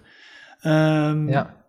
Weet je, het- ja, discipline, wilskracht, dat soort dingen. Heel veel onderzoek naar gedaan. Is niet leidend. Het helpt, het helpt. Maar het is niet, de niet de meest efficiënte manier om je problemen op te lossen. Wat ik, ja, waar ik meteen aan moet denken is eigenlijk dat, datzelfde element wat we dan ook binnen onze religie terugvinden. Daar zit ook een heel pragmatisch deel in. Dat je niet op de plekken komt waarvan je, waarbij je verleid kan Ja. worden. Er zit ook een groot ontmoedigings, eh, Ja. ontmoedigingsbeleid in.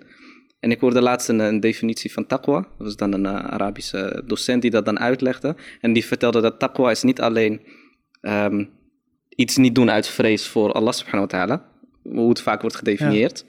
Maar de bescherming die jij neemt uit vrees voor Allah subhanahu wa ta'ala. Ja. Dus als jij buiten loopt dan, en het regent, is, is taqwa is niet het bang zijn voor de regen zelf, maar dat je de paraplu meeneemt om jou te beschermen tegen die regen uit angst daarvoor. Dus dat, dat is wel heel mooi, die definitie die je hebt van de discipline en sowieso de visie die je hebt van gezondheid. Dus fysiek, mentaal, sociaal, spiritueel, dan zie je daar ook weer dat ze eigenlijk Ja. een soort inhaken op elkaar. En eigenlijk, dat is eigenlijk, eh, als we het dus hebben over gedragsverandering, is eigenlijk weer dat je iedere keer weer terugkomen die waarom, waarom, waarom, waarom. Waarom zou je iets doen? Ehm, dat, dat is waar je op moet gaan kijken. Ja. Want daar komt, uh, je takwa, weet je, dat is iets dat je moet ontwikkelen. Eh, je moet over nadenken, waar, waarom doe ik dit voor Allah? Ja. Ehm, en waar ik heel veel naar kijk met mijn klanten is, dat ik eigenlijk, als ik begin met mijn coaching, waar ik mee begin is, wat voor persoon wil je worden? Want als je in islam, wij weten, kader, rizq, Voor beschikking. voor en beschikking. je Wij hebben geen, wat wij ook doen, het resultaat ligt bij Allah. Eh, we moeten onze dingen doen, maar we hebben geen flauw idee waar we eindigen. Dus je kan niet, wat je bijvoorbeeld heel vaak ziet met die Tony Robbins figuren, en die Law of Attraction, van ik ga visualiseren dat ik miljonair word. Je kan het doen en Allah kan het je geven, maar Allah geeft het jou, niet jij. Dus je kan niet, je, je, mag, je mag een planning maken, het is goed, maar het is niet iets waar je controle over Ja, hebt. ja. Allah, het enige waar Allah ons controle over heeft gegeven is onze vrije wil. Dus, dus- en hoe ik dat zie, ook met die, met die gezondheidsaspecten gedacht is, hoe reageer ik op datgene wat Allah mij mee, presenteert? Ja. Ehm, en waar ik dus met mijn klant ga kijken, wat voor persoon wil je worden? Ja. Als, wat is nou, als jij doodgaat, ehm, wat voor, hoe reageer ik eh, op die omstandigheden? Wat ervoor heb ik daarvoor nodig? Er zijn eigenlijk heel veel principes ook van dat boek eh, Seven Ha- Habits of Highly Effective People. Dus Ja. een van de principes is start with the end in, in mind. Ja. Begin met het einde in gedachten. En ook, ehm, ja, dat fancy woord, circle of influence en circle of concern. Dus eh, je hebt een, een bepaalde domein waar jij invloed op hebt. Mhm. Weet je, en dat zijn de dingen inderdaad die je kan doen, de inzet die je kan, kan doen. En een circle of concern, of eigenlijk iets waar jij bezorgd over bent en waar jij over nadenkt. En wat je dus eigenlijk zegt, is al die gurus die, die jou eigenlijk vertellen dat jij het resultaat in handen hebt, wat je helemaal niet in handen hebt. Ja. Ik bedoel, wij doen natuurlijk een heel klein gedeelte en er zijn heel Ja. veel externe factoren die wij niet kunnen controleren. Dus we kunnen het eindresultaat kunnen wij ook niet Ja. controleren. En het- ik weet dat dat, als ik het een beetje persoonlijk maak, dat dat ook echt iets is waar ik eh, mee gestruggeld heb toen ik net naar de universiteit ging. Was eigenlijk een periode waarbij ik probeerde controle te hebben over dingen waar ik geen controle over had. Dus inderdaad, hoe iemand reageert ergens op of eh, weet ik veel, een resultaat van een project wat je neerzet of een cijfer wat je wil halen. Daar heb je uiteindelijk niet volledige controle over. Je kan alleen datgene doen wat binnen jouw eh, domein ligt. En de rest, dat is ook weer dat stukje vertrouwen hebben Allah, Ja. Allah subhanahu wa ta'ala natuurlijk. Ja. Ik vind dat een heel mooi punt wat je, wat je daar maakt. Ja. En, en als ik er nog wat verder op mag gaan, is, weet je, als je dat heel helder hebt, dan ga je, kan je kijken, wat, wat heb ik daarvoor nodig? Hm. Stel je voor, je wilt iemand zijn die, om, stel je wilt een dokter worden. Ja. Dokter moet je heel hard werken. Je moet, en, ook, je weet ook van, ja, je, je plant wel, je wilt langer, je ouder dan 30 worden, weet je. En je weet gewoon, ik moet heel hard gaan werken, ik moet lange uren gaan maken, ik moet hard gaan studeren. Ehm, maar ik wil misschien ook nog kinderen krijgen. Dus dat betekent dat als ik die 12 uur dienst gedraaid heb, dan moet ik ook nog ergens de energie kunnen opbrengen om, eh, om, om, om enigszins eh, thuis te komen en, en, en iets kan doen als een vader zijnde. Ehm, wat ik dus doe is proberen heel erg precies te maken wat voor persoon wil ik worden, welke vlakken eh, heb ik nodig en wat heb ik daarvoor nodig. En niet, en dan, want wat je dan krijgt, stel je voor inderdaad, ik moet lang kunnen werken. Daarna wil ik thuis zijn. Ik wil misschien ook nog wat Koran memoriseren of weet ik veel wat doen. Ja. Daar heb je een gezondheid voor nodig. Daar moet je bepaalde dingen voor kunnen doen. Ja. En dat kan niet als je niet voor je lichaam zorgt. En Hmm. dan wordt het ineens heel anders. Als, jij als jij voor jezelf gezegd, ik wil dokter worden, maar ik wil voor mijn kinderen zijn. Ehm, en ik, ik voel nu, dat als ik, omdat ik niet voor mijn lichaam zorg, en ik kom thuis, ben ik moe en ben ik zagrijnig en hebben mijn kinderen niks aan mij. Als ik dan die link ga leggen van, oké, weet je, je hebt de keuze om aan je gezondheid te werken. En waarom? Jij wilt dit zijn. Weet je, een stukje van je identiteit.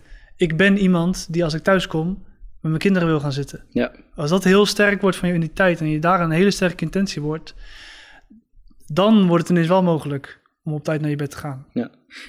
Wat ik Of eigenlijk om, om te gaan sporten Ja. of om goed te gaan eten. Wat ik eigenlijk dus eruit haal, is dat het, het hebben van een doel, dat dat een heel groot deel is van de dingen, van de discipline eigenlijk die je ook nodig hebt. Want je zegt toen je wedstrijd bodybuilding deed, Ja. toen was je super gedisciplineerd. Ja. En toen dat wedstrijdelement wegviel, toen was die discipline er ineens niet Klopt.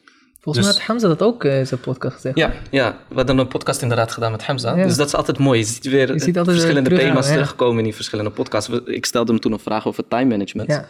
En, eh, en de tips die hij daarvoor had. En hij zei, ja, het, het, de beste, het beste wat je kan hebben is eigenlijk een heel helder doel voor ogen hebben. Want als jij gewoon een helder doel voor ogen hebt, dan ga je onbewust prioritiseren. Ja. En dan ga je vanzelf keuzes maken die jou helpen bij dat doel. Je, moet- Dus- je, moet, je moet noodzaak creëren. Ja, Als je niet, niet van het zou leuk zijn. Een mooi voorbeeld vind ik met Moslimfit. ja, Ik heb heel lang idee, gelopen met het idee van Moslimfit. En het was eigenlijk hetzelfde met van, ik moet sporten om gezond te zijn. ja, ja. Het was iets leuk om te hebben. Hmm. Wat zou het gaaf zijn als ik dat kon. Maar toen uiteindelijk kwam ik op een moment, ik was getrouwd. Ik woonde op mezelf, met mijn vrouw erbij. En letterlijk, in hetzelfde jaar en in dezelfde maand ging mijn vader stoppen met alimentatie betalen. Oké.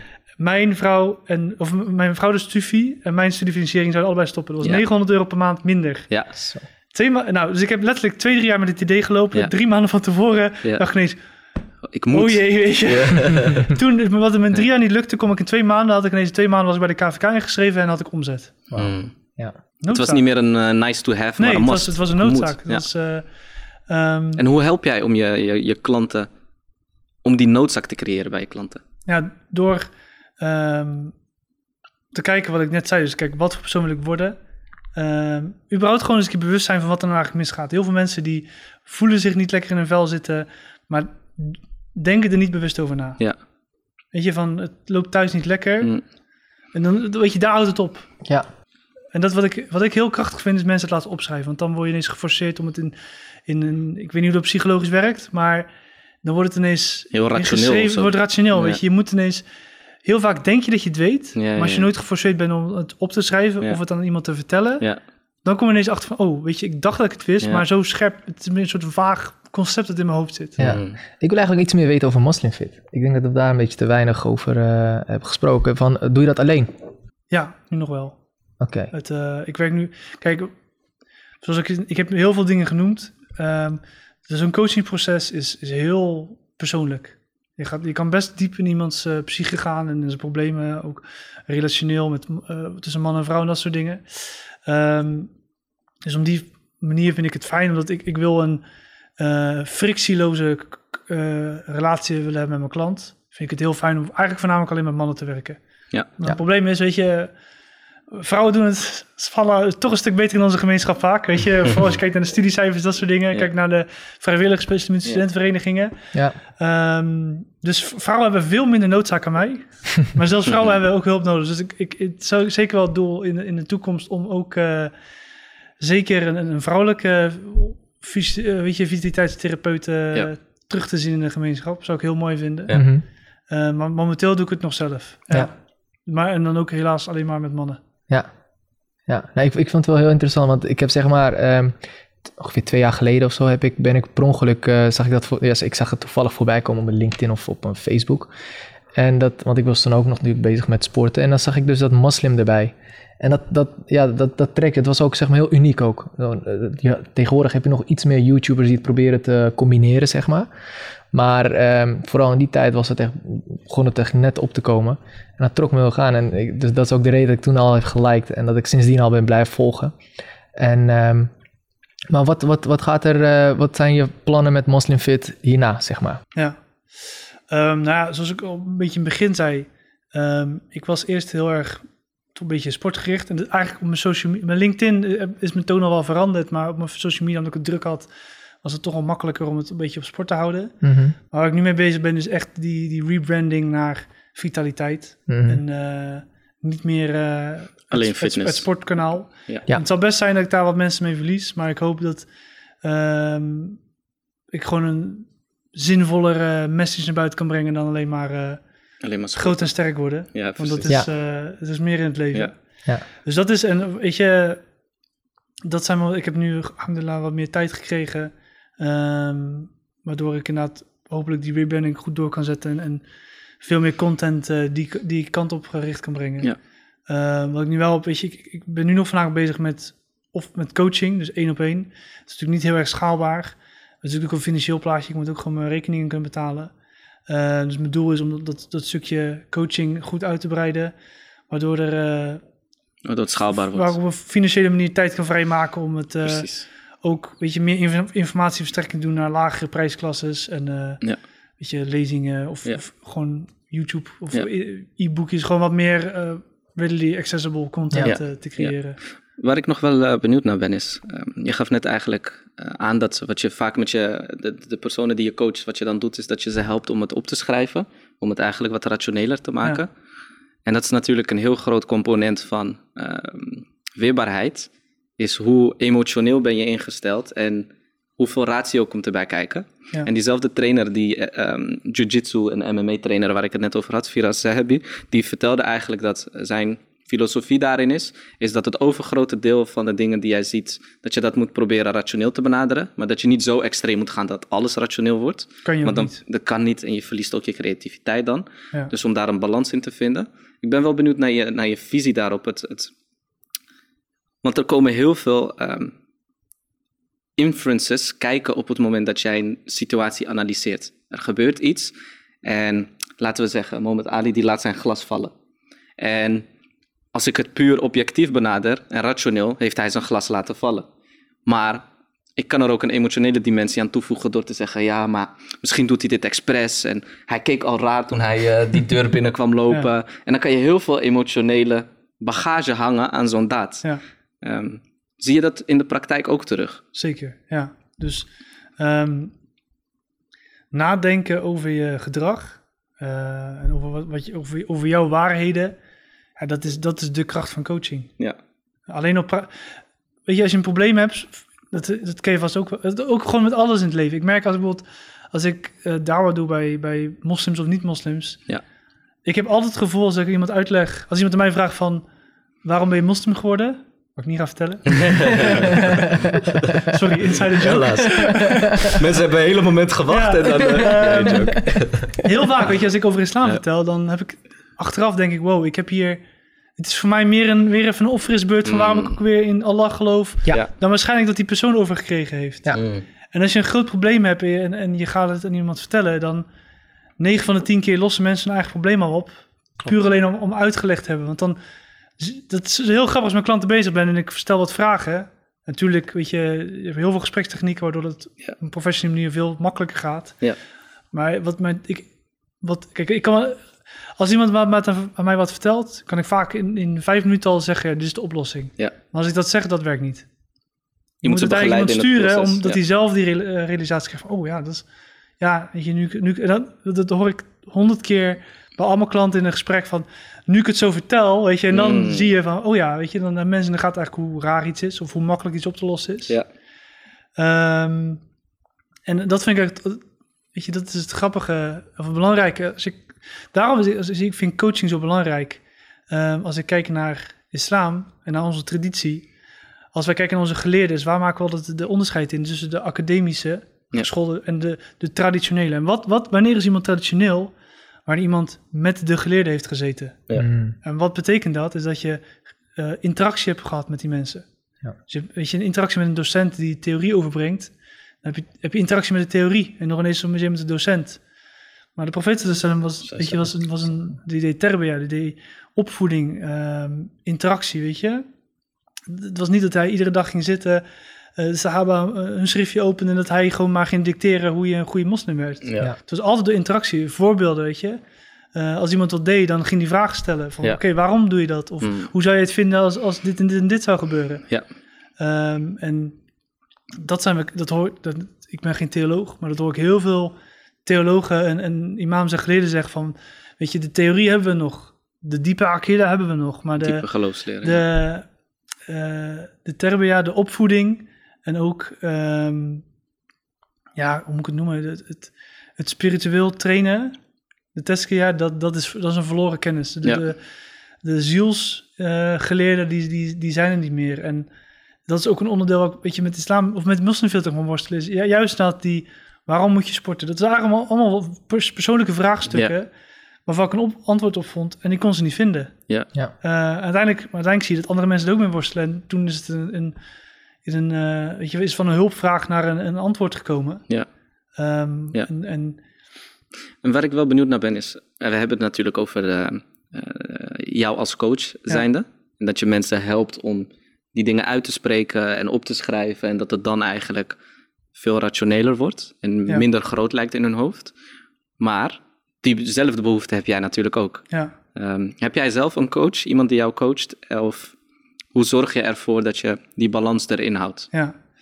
Ik, ik moet heel eerlijk zeggen, het klinkt misschien een beetje egoïstisch, maar zo bedoel ik het niet. Mhm. Ik heb wel eens dat ik, zoals ik al zei, het is begonnen als, als een hulpvraag en iets dat er niet was. Ja. En ik heb echt wel eens als ik met klanten zit, ik denk, goh, had ik graag zo iemand als mezelf gewild. dat klinkt een beetje raar, maar soms denk ik, ah, dat is echt... eh, Dan zeg je ook tegen ze, weet je hoe dankbaar je moet zijn? ja, dat je blij moet zijn. Weet je hoe dankbaar jij moet zijn? Ik zou het willen. nee, maar ehm, ik, ik dan als is al mee, weet je. Dat ik, Ja. eh, ehm, in, in- wat ik door de loop van tijden zie, is dat, ehm, dat is ook weer het verschil tussen externe factoren, weet je, ook je- het voordeel is van als je geld hebt, dus dan kan je Ja. mij betalen. Dan heb je, of dan kan je een personal trainer betalen Ja. en dan kan je iemand betalen. En eh, toen ik deze zoektocht begon, had ik, niet, had ik niet het geld om iemand 50 euro per uur te geven Ja. om me help, te helpen met mijn probleem. En Ja. dat zie je er heel veel bij. Het is nadeel van onze gemeenschap dat we in lage sociale economische klasse zitten, we dat, Ja. dat we de, de middelen niet hebben om hulp te zoeken. Ja. Maar ik, alhamdulillah, ik heb nu wel, weet je, daar moet je moeite voor doen. Ehm, op verschillende gebieden wel mentoren gevonden. Ook wel grappig. Er zijn ook heel veel niet-moslim mentoren die ik gehad heb of heb. Ja. Die mij zelfs nog qua imaan heel erg versterken. Ehm, maar weet je, sowieso denk ik sowieso dat je nooit de ultieme mentor vindt. De oplossing van al je vragen. Dat je de profeet zullen moeten hebben. Die hadden je daarbij kunnen helpen. Ja.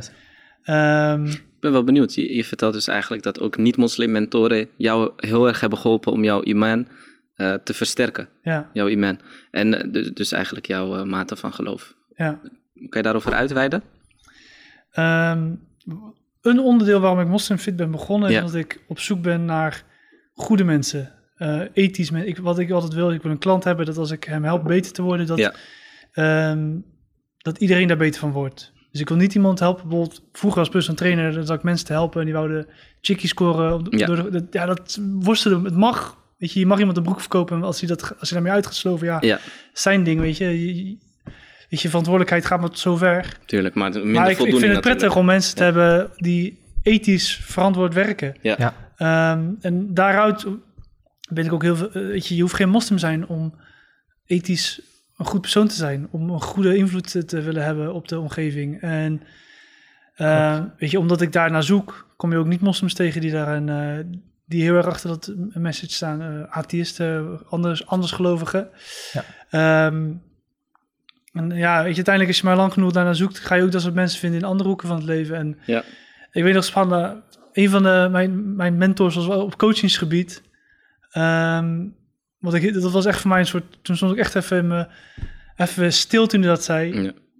Ik was toen heel erg eh, angstig om, om voor mezelf te beginnen. Ik, ik was toen coach bij hem. Hij had een, eh, echt, echt zo'n mental coaching voor ondernemers. En niet helemaal mijn ding. En hij Ja. merkte het ook. Weet je, ik functioneerde goed, maar het Ja. was, het, het, zoals ik al zei, het, het zat niet echt met me, goed met mijn ethisch aspect. Ja, Het voelde niet lekker. ja, En toen zei hij zo van, weet je, weet je, je doet het goed hoor, maar ik, je moet echt voor jezelf beginnen. Ik zat een Mm. beetje tegengeschreven van, ja, maar ik weet niet. Je, Mm. Ik dacht van, ik heb nu, ik krijg geld van hem en eh, ik hoef zelf geen klanten te zoeken. Maar toen zei hij een keer tegen mij van, eh, weet je, je bent toch moslim? Van, je, weet je, je staat achter die dingen en je hebt jouw jouw God die jou steunt. Mm. Wat heb je nog te verliezen? Mm. Ja. En toen dacht ik wel van, wow, weet je, en het- Mm. maar het was een atheïst, helemaal niet Ja. iemand gelovig. Ja. En Ja. Ehm, ja, toen hebben we zo'n wow, weet je. Ja. Zo zie je het Allah echt, dat is ook weer rizik, weet je. Soms krijg je Ja. vermaningen uit plekken, Waarvan je het niet zou Waarvan je verwachten. niet. Klopt. want dat was echt een persoon, dat was echt zo iemand die van of Attraction, die, die op, oprecht van overtuigd is, weet je. Ja. Ik, met, met mijn, als ik iets visu- visualiseer, ik creëer in het universum, dus echt iets, Ja. echt anti-geloof, weet je. Ja. En hij dacht, je hebt het eigenlijk nog makkelijker. Je hebt gewoon ja, hij zei van, je gelooft toch in God? Ja. Nou, je hebt, je hebt, hij zei letterlijk, je hebt Allah in je hoek staan, wat kun je nog verliezen? Ja, zoiets hoort, denk ik, wow, weet Ja. je. Er komt Ja. soms harder aan als je het van die imam hoort. Ja, ja, ja. Wauw. Dus dat is wel, dat zijn mooie, hele mooie voorbeelden. Dat, dat als jij, eh, je moet er wel open voor staan en Ja. je moet het zien, maar Allah verbrengt maningen, vermaningen van alle kanten. Heel interessant.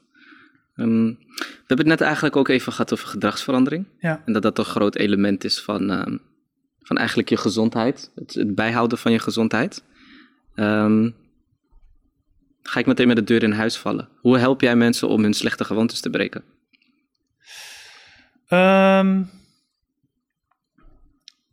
Ten eerste heel goed prioriteit stellen. Welke, slechte gewoontes moet je veranderen? Ehm, want eh, een slechte gewoonte veranderen kan heel, heel moeilijk zijn, heel zwaar. Eh, dus het eerste wat ik altijd doe met mijn eh, klanten is kijken... Ik noem het altijd, weet je, de, de, de roze olifant in de kamer. Ja. Wat is nou het probleem Hm. Als je dat verandert, zal de meeste invloed hebben. Want mensen zijn heel snel geneigd om naar de makkelijke dingen. Ja. Stoppen met snoepen en weet je, dat, dat soort, maar ja, vaak heb je hele andere problemen die Ja. veel meer Ja. eh, problemen oplossen. Dus gewoon focussen op niet te veel. Begin, en, en vooral, wat heeft, nou hetgeen, wat heeft nou het meeste impact op je leven? Hm. Ga, ga je daarop focussen. Dan die andere dingen dat jij... Die worden vanzelf opgelost. Ja, dat je, weet je, is iemand met zijn telefoon vlak voordat hij naar bed gaat om YouTube-filmpjes te kijken eh, en hij heeft niet heel veel problemen met in slaap vallen, dan vind ik dat niet zo interessant. Het is een slechte gewoonte. Ja. Het zal vast wel iets invloed hebben, maar... Ja. Dus eerst kijken, wat, wat heeft nou het- de grootste impact... Als je iets één ding kan veranderen, wat het meest verandert, focus je daarop. Ja. Dat is stap één. Ehm, dan, kijk, het is moeilijk om te beantwoorden, want een slecht gewoonte is zo ontzettend breed. Ehm, maar ik denk, dus voornamelijk is dat je laat gaan kijken naar je motivatie. Ja. Eerst moet je iemand gaan eh, vertellen, oké, waarom zou ik dit moeten veranderen? Ja. Want Als dat niet sterk genoeg is, dan ga je ook niet iedereen heeft de honeymoon phase als hij, iets- als hij aan zichzelf gaat werken, dat je even gemotiveerd bent, omdat je het leuk vindt. Maar als dat weggaat, hoe kan je dat volhouden? Dus hoe kan je duurzaamheid creëren? Dat is door heel goed die why eh, voor jezelf te lokaliseren. Dus je hebt eerst wat gaan veranderen, waarom. Ehm, als je dat heel goed hebt, en dan creëer hopelijk wordt daar duurzame energie en, motivatie mee gecreëerd, dan is het fine-tunen eigenlijk. Eh, dan gaan we dus heel goed kijken naar omgevingsfactoren. Ehm, wat zijn nou dingen die mijn progressie hierin belemmeren? Eh, en hoe kom ik daar van weg? Ehm, aan de andere kant, wat kan ik toevoegen in mijn leven waardoor het dus een heel stuk makkelijker wordt? Dus Ja. eigenlijk weer, je hebt discipline nodig. En dat is vooral de eerste. Je moet veranderen, dat is discipline. Maar je wilt een situatie creëren dat, dat die verleidingen zo, zo klein mogelijk worden. Ja. Ja. Ehm, even kijken. En dan een stukje kennis. En dan ligt het heel erg aan waar, Schot je kennis. waar schort je kennis en wat wil ik veranderen. Weet je, bijvoorbeeld iemand is depressief en je weet niet dat sporten niet helpt. Ja, dan dat is een stukje expertise dat je alleen maar kan halen bij iemand die er veel kennis van heeft. Maar ik denk wat iedereen wat mee kan doen is eerst gaan kijken wat moet ik veranderen, wat heeft nou het meeste input. Want je kan je, kan je niet op zoveel dingen tegelijkertijd. Je kan niet Ja. alles in één keer Alles wat slecht is in één keer om- Nee. Dus als ik het heel goed begrijp, als ik dus Brahim nu vaker wil dat hij met mij mee komt trainen, Ja, moet ik hem dus eerst heel goed motiveren. ja. Eh, ik moet even urgentie erbij stellen, dus zeggen van eh, het is heel belangrijk. Dus echt eh, duidelijk maken waarom het zo noodzakelijk is. Ten derde, alle externe factoren die hem afleiden, zoals Zubair die hem af en toe uit eten vraagt, even zeggen van oké, dat is even minder belangrijk, dit is even belangrijker. En ten slotte eh, ook even meer kennis opdoen over bijvoorbeeld de ehm, sport zelf bijvoorbeeld. ja. Kijk, bijvoorbeeld als jij Laten we dat gewoon hier bij de podcast doen. Dat denk ik wel leuk. Nee, maar stel je voor, kijk, inderdaad, als jij een verkeerde idee hebt, als je niet weet hoe je moet sporten. Je hebt bijvoorbeeld heel veel gasten die, die, die gaan krachttraining doen. En die, die gaan doen wat een prof, die gaan als een topsporter trainen. Dat vind ik Ja. altijd heel vreemd, want je bent geen topsporter. Je Nee. hebt het helemaal niet nodig. Ja. Maar als jij denkt dat dat de manier is hoe je moet trainen, ja, dat is, dat is heel lastig. Dat hou je niet vol. Ja. Ehm, dus weet je, ook leren, hoe, weet je, hoe kan ik iets doen dat ik leuk vind, maar Ja. wat wel effectief is. Ja. Eh, en dat is dat stukje kennis. Maar dan wordt het weer heel erg specifiek afhankelijk Ja. van ja, wat wil ik veranderen. Tuurlijk. Maar Ja. dus, weet je, kennis is wel heel erg belangrijk. Want je ziet wel, ook met diëten, je ziet mensen gekste dingen doen. Ja, dan, dan lukt het niet. En dat is wel een groot probleem. Ja. Ehm, wat grappig is dat als je het onderzoek kijkt, het aantal afvalpogingen dat iemand ehm, doet en mislukt, is gerelateerd aan het eh, eh, gewichtstoename. Dus Hmm. statistisch kun je zeggen, hoe vaker je probeert af te vallen en het niet lukt, hoe zwaarder je wordt eh, over tien jaar bijvoorbeeld. Het is geen reden om niet te, te proberen af te vallen. dat mensen er misbruik van maken. Ja, Ja, ja, nee, ik word nee, alleen maar zwaarder als ik het Afvallen is probeer. geen risicoloze sport. Ja. Je kan jezelf eh, dieper in het probleem brengen. Psychologisch, mentaal, fysiologisch.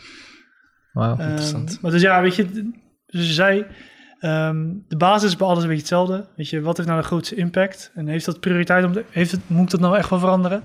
Ja. En dan het voor jezelf heel belangrijk maken. En dan het liefst bij datgene wat echt belangrijk is. Dus je levensdoelen. Ehm, ehm, en dat heel sterk voor jezelf maken. Het visualiseren dat je het echt heel makkelijk op kan brengen. Ja. Eh, en ja, kijk, dat is wel een kwestie van middelen. Ehm, wel kijken, kan ik op een goede manier geholpen worden? Ja. Ehm, en ik zeg het wel altijd zo, weet je, het, het is een investering in jezelf. Ja. Ik stel voor, je, gaat naar, je wilt gaan sporten, je gaat naar een personal trainer. Misschien ben je, misschien wel, laten we zeggen, als je twee, drie maanden coaching of personal training wil, ben je misschien 400 euro kwijt. Ja. Ja, 400 euro tegenover, daarna weet ik de rest van mijn leven hoe ik moet trainen. Ja, dat is wel dat is, ja, dan is het ineens niks meer. Ja, en wat ik me ook wel eens afvraag is, want we leven nu namelijk in een, in een samenleving waarin we worden eh, overspoeld met mensen die zeggen je moet trainen, je moet sporten. Ja. Ehm, ehm, komt dat zeg maar doordat we veel minder bewegen dan vroeger? Ehm, en wat ik me ook wel eens afvraag is, is het echt aangeraden voor studenten bijvoorbeeld? Want ik, ik zelf vind het gewoon heel fijn Ja, om als ik, me, als ik mentaal moe ben, zeg maar als ik echt eh, zelf op, op- tijdens mijn studie gewoon heel veel heb gestudeerd, dat ik daarna lekker even fysiek ook mijn energie kan kwijtraken. ja. Ehm, wordt ook aangeraden om dat te doen? Of, ehm, of, of hoeft dat eigenlijk helemaal niet? Of, en zo ja, hoe vaak zou je dan ongeveer per week moeten trainen of eh, sporten? Ja. Ehm, kijk, het belangrijkste is dat je beweegt. Eh, het grootste probleem waar je veel fysieke klachten van kan krijgen en, en wat een groot impact heeft op je performance, zowel mentaal als fysiek, is gewoon een, niet genoeg bewegen. En dan heb ik het niet over sporten, maar gewoon ook over, weet je, we zien het onderzoek dat het nog ineens, weet je, als je wil twee uur gaat, of een uur gaat sporten heel intensief per dag, maar de rest van de dag zit je stil, dan is letterlijk gedurende de dag af en toe eens een keer opstaan, lopen, is, heeft meer gezondheidsvoordelen dan het uurtje sporten. Oh. Ja. Ehm, aan de andere kant, intensief sporten heeft gezondheidsvoordelen die je niet krijgt van wandelen. Ehm, dus ja, eh, intensief dat is gewoon, als je kijkt naar de richtlijnen van de, van de, die je van de overheid krijgt, het, is, het, is, het heeft voordelen om je hartslag te verhogen, om echt, dus een intensieve moment van sporten. Ehm, dus ik zal, als je, dat zou ik zeker aan iedereen aanraden. Maar ik denk dat zo'n stukje hard fietsen, dan, Het is daarom zeg ik, het kan heel breed zijn. Er is niet één ding dat je moet doen. Nee. Het is niet dat je per se krachttraining moet doen. Het is niet per se dat je per se cardio moet doen. Ehm, het gaat wel om dat er een bepaalde intensiteit aan vastzit. Dat je hartslag echt verhoogd wordt. ja. Ehm, en het belangrijkste wat ik wel vind, kijk, bijvoorbeeld krachttraining heeft voordelen die cardio niet heeft, andersom ook. Dus, ehm, en, er zullen, en er is altijd wel een theoretisch, heb je de beste manier van trainen. Maar je hebt ergens pas profijt van als je het op een langere termijn doet. Ja. Dus, ehm, weet je, het- de beste manier van trainen is datgene wat je voor een langere periode vast kan houden. Dus Ja. het kan heel goed zijn dat eh, ik, ik soms klanten heb die dingen die op papier, weet je, als ik als personal trainer ga kijken, echt totaal niet efficiënt zijn. Weet je, het is niet de beste manier om resultaat te behalen. Maar het is wel iets dat ze vol kunnen houden, wat ze leuk vinden. Dus alsjeblieft doe dat, weet je. Want anders, als er tegenover staat, ik ga niks doen, of ik probeer het en ik stop ermee, ja. heb ik liever dat je dan maar suboptimaal bezig bent. Dan, gewoon eh, consistent blijven eigenlijk ja. in dat wat je doet. eh. dus ja, je moet, je moet bewegen. Ja. Bewegen is sowieso gedurende de dag is belangrijk. Ehm, zoveel onderzoeken gedaan dat, weet je, als je in je pauze even een rondje gaat lopen, dat je mentaal beter presteert. Dus dat is eigenlijk de eerste stap. Dat ik mensen zeg, ga, ga meer, gedur, meer frequent bewegen. En dan heb ik het gewoon over even een rondje lopen, even opstaan, misschien een beetje je spieren losmaken. Eh, daarnaast sporten. Maar weet je, word niet te hard voor jezelf. nee. Als jij gewoon gaat wandelen, ook al ga je wandelen, is misschien niet optimaal, want je hebt niet zo'n gigantische piek in je hartslag. Ja. Maar het is beter dan niet wandelen. Ja. Ehm, Consistentie over Ja. inten of dus intensity. zoek zoals datgene zeggen, ja. wat je leuk vindt, is heel belangrijk. Ook al is het misschien niet optimaal. Ja. Ehm, en zoek datgene wat je vast kan houden. Duidelijk. Mooi. We hebben het niet heel veel gehad over jou als student zijnde, maar ik vond dit echt super interessant, dus dat vind Ja. ik ook helemaal niet erg. Ehm, We sluiten nog wel altijd met een, eh, met een vraag af. En die vraag is, eh, als jij jezelf als student tegenover je zou hebben, eh, dus laten we jou nemen die bezig is met je bachelor medische hulpverlening. Ja. Ehm, en je bent nu natuurlijk wat ouder, je hebt voor, vooruitschrijdend inzicht. Welk advies zou je jezelf als student geven? Oeh. ehm, Ja, is een, is een diepe. Ja. Nou, het grappige is, ik heb mijn, mijn studieperiode is niet soepel verlopen. Ik Hm. heb best wel veel geswitcht omdat ik niet wist wat ik wou. Ehm, ook wat dingen niet gehaald. En, Ja. en daar heb ik best een tijdje moeite mee gehad. Ehm, ook met mijn opleiding bachelor medische hulpverlening, ik weet mensen de krant lezen, is ook Mhm. niet soepel gegaan. omdat wij heel, dat was een nieuw beroep. Hm. Eh, heel veel politiek, waardoor we geen stageplek hebben. Ik heb heel veel sta- st- eh, studievertraging gehad, puur alleen geen stageplek had. Ja. Ehm, en dan voor de rest, ik had, maar misschien had ik wel, als ik bij de top van de student had gezeten, had ik misschien wel op tijd kunnen afstuderen. Dus, Ja. Maar ja, dan ga je heel snel van die wat als. En achteraf denk ik, ik heb dus best wel veel vervelende momenten meegemaakt tijdens Ja. mijn studie. Ehm, maar daar ben ik wel heel erg als persoon op vooruit gegaan. En ik, en, weet je, islam leert ons ook om niet te zeggen, wat hadden we maar. Ehm, dus ook al heb ik heel veel fouten gemaakt, ben ik eigenlijk wel heel erg blij mee. Want die hebben toch wel heel veel deuren voor mij geopend. Ehm, eh, weet je, ik, ik zeg het altijd zo. Ik heb- ben een hele korte tijd, ik ben ook op mijn twintigste getrouwd. Weet je, het zijn allemaal manieren. Dat ik, mijn- ik heb een soort spoed, spoedcursus levenservaring gehad. Ehm, dus juist omdat het best wel veel tegengezeten heeft. Ja. En ook heel veel door mijn eigen toedoen. Door niet goed handelen, door niet goed plannen, door niet goed met mezelf om te gaan. eh, heb, ik, heb ik heel veel eh, kunnen leren in een hele korte tijd. Dus eigenlijk, al ik zou juist lekker eh, niks zeggen. Gewoon doen eh, wat je hebt gedaan. stunt er maar lekker door. Ja. Val maar een paar keer goed onderuit. En eh, Ja. achteraf eh, ga je er alhamdulillah blij mee zijn. Alhamdulillah. Ja. Ja. Dat is natuurlijk ook weer waar we het eerder over gehad hebben. Er zijn zoveel externe factoren die we niet in controle hebben. Ja, En eh, ja, het is ook interessant als je. Wat ik dan altijd interessant vind, als iemand jou had gezien als student zijnde. en die zag dat je je studie niet had gehaald. dan is de eerste gedachte: oh, wat slecht. Het gaat slecht met hem. Terwijl wij ook. hebben. Ja, dat dacht Ja. jij zelf ook. Dat geef je inderdaad ook aan. Terwijl wij hebben natuurlijk niet het complete plaatje. En nu zeg je eigenlijk: ik ben heel blij dat het gebeurd is. ja. Wat toen slecht leek, is nu eigenlijk iets, iets positiefs geworden. Waardoor je, je, niet eens meer ander advies aan jezelf wil Negativiteit eh, kan heel waardevol zijn. En dat weet je vooral nu, weet je, ook in de academische wereld, Ja. heel vaak ook onterecht is positieve psychologie heel eh, populair. Je ziet op alle Instagram-pagina only positivity en alles moet leuk, Mhm. blij zijn. En weet je, als je op social media iets negatiefs zet, dat is echt heel chockerend. Ja, Maar ehm, weet je, Allah ons heeft, heeft, heeft blijdschap gemaakt, maar ook verdriet. Ja. En ik vond, ik weet niet meer wie het zei, maar een hele mooie uitspraak van, weet je, als je alleen maar positiviteit wilt, eh, ben je, ben je half mens. Heb je een, leid je een half leven. Want Mm. weet je, negativiteit is heel mooi.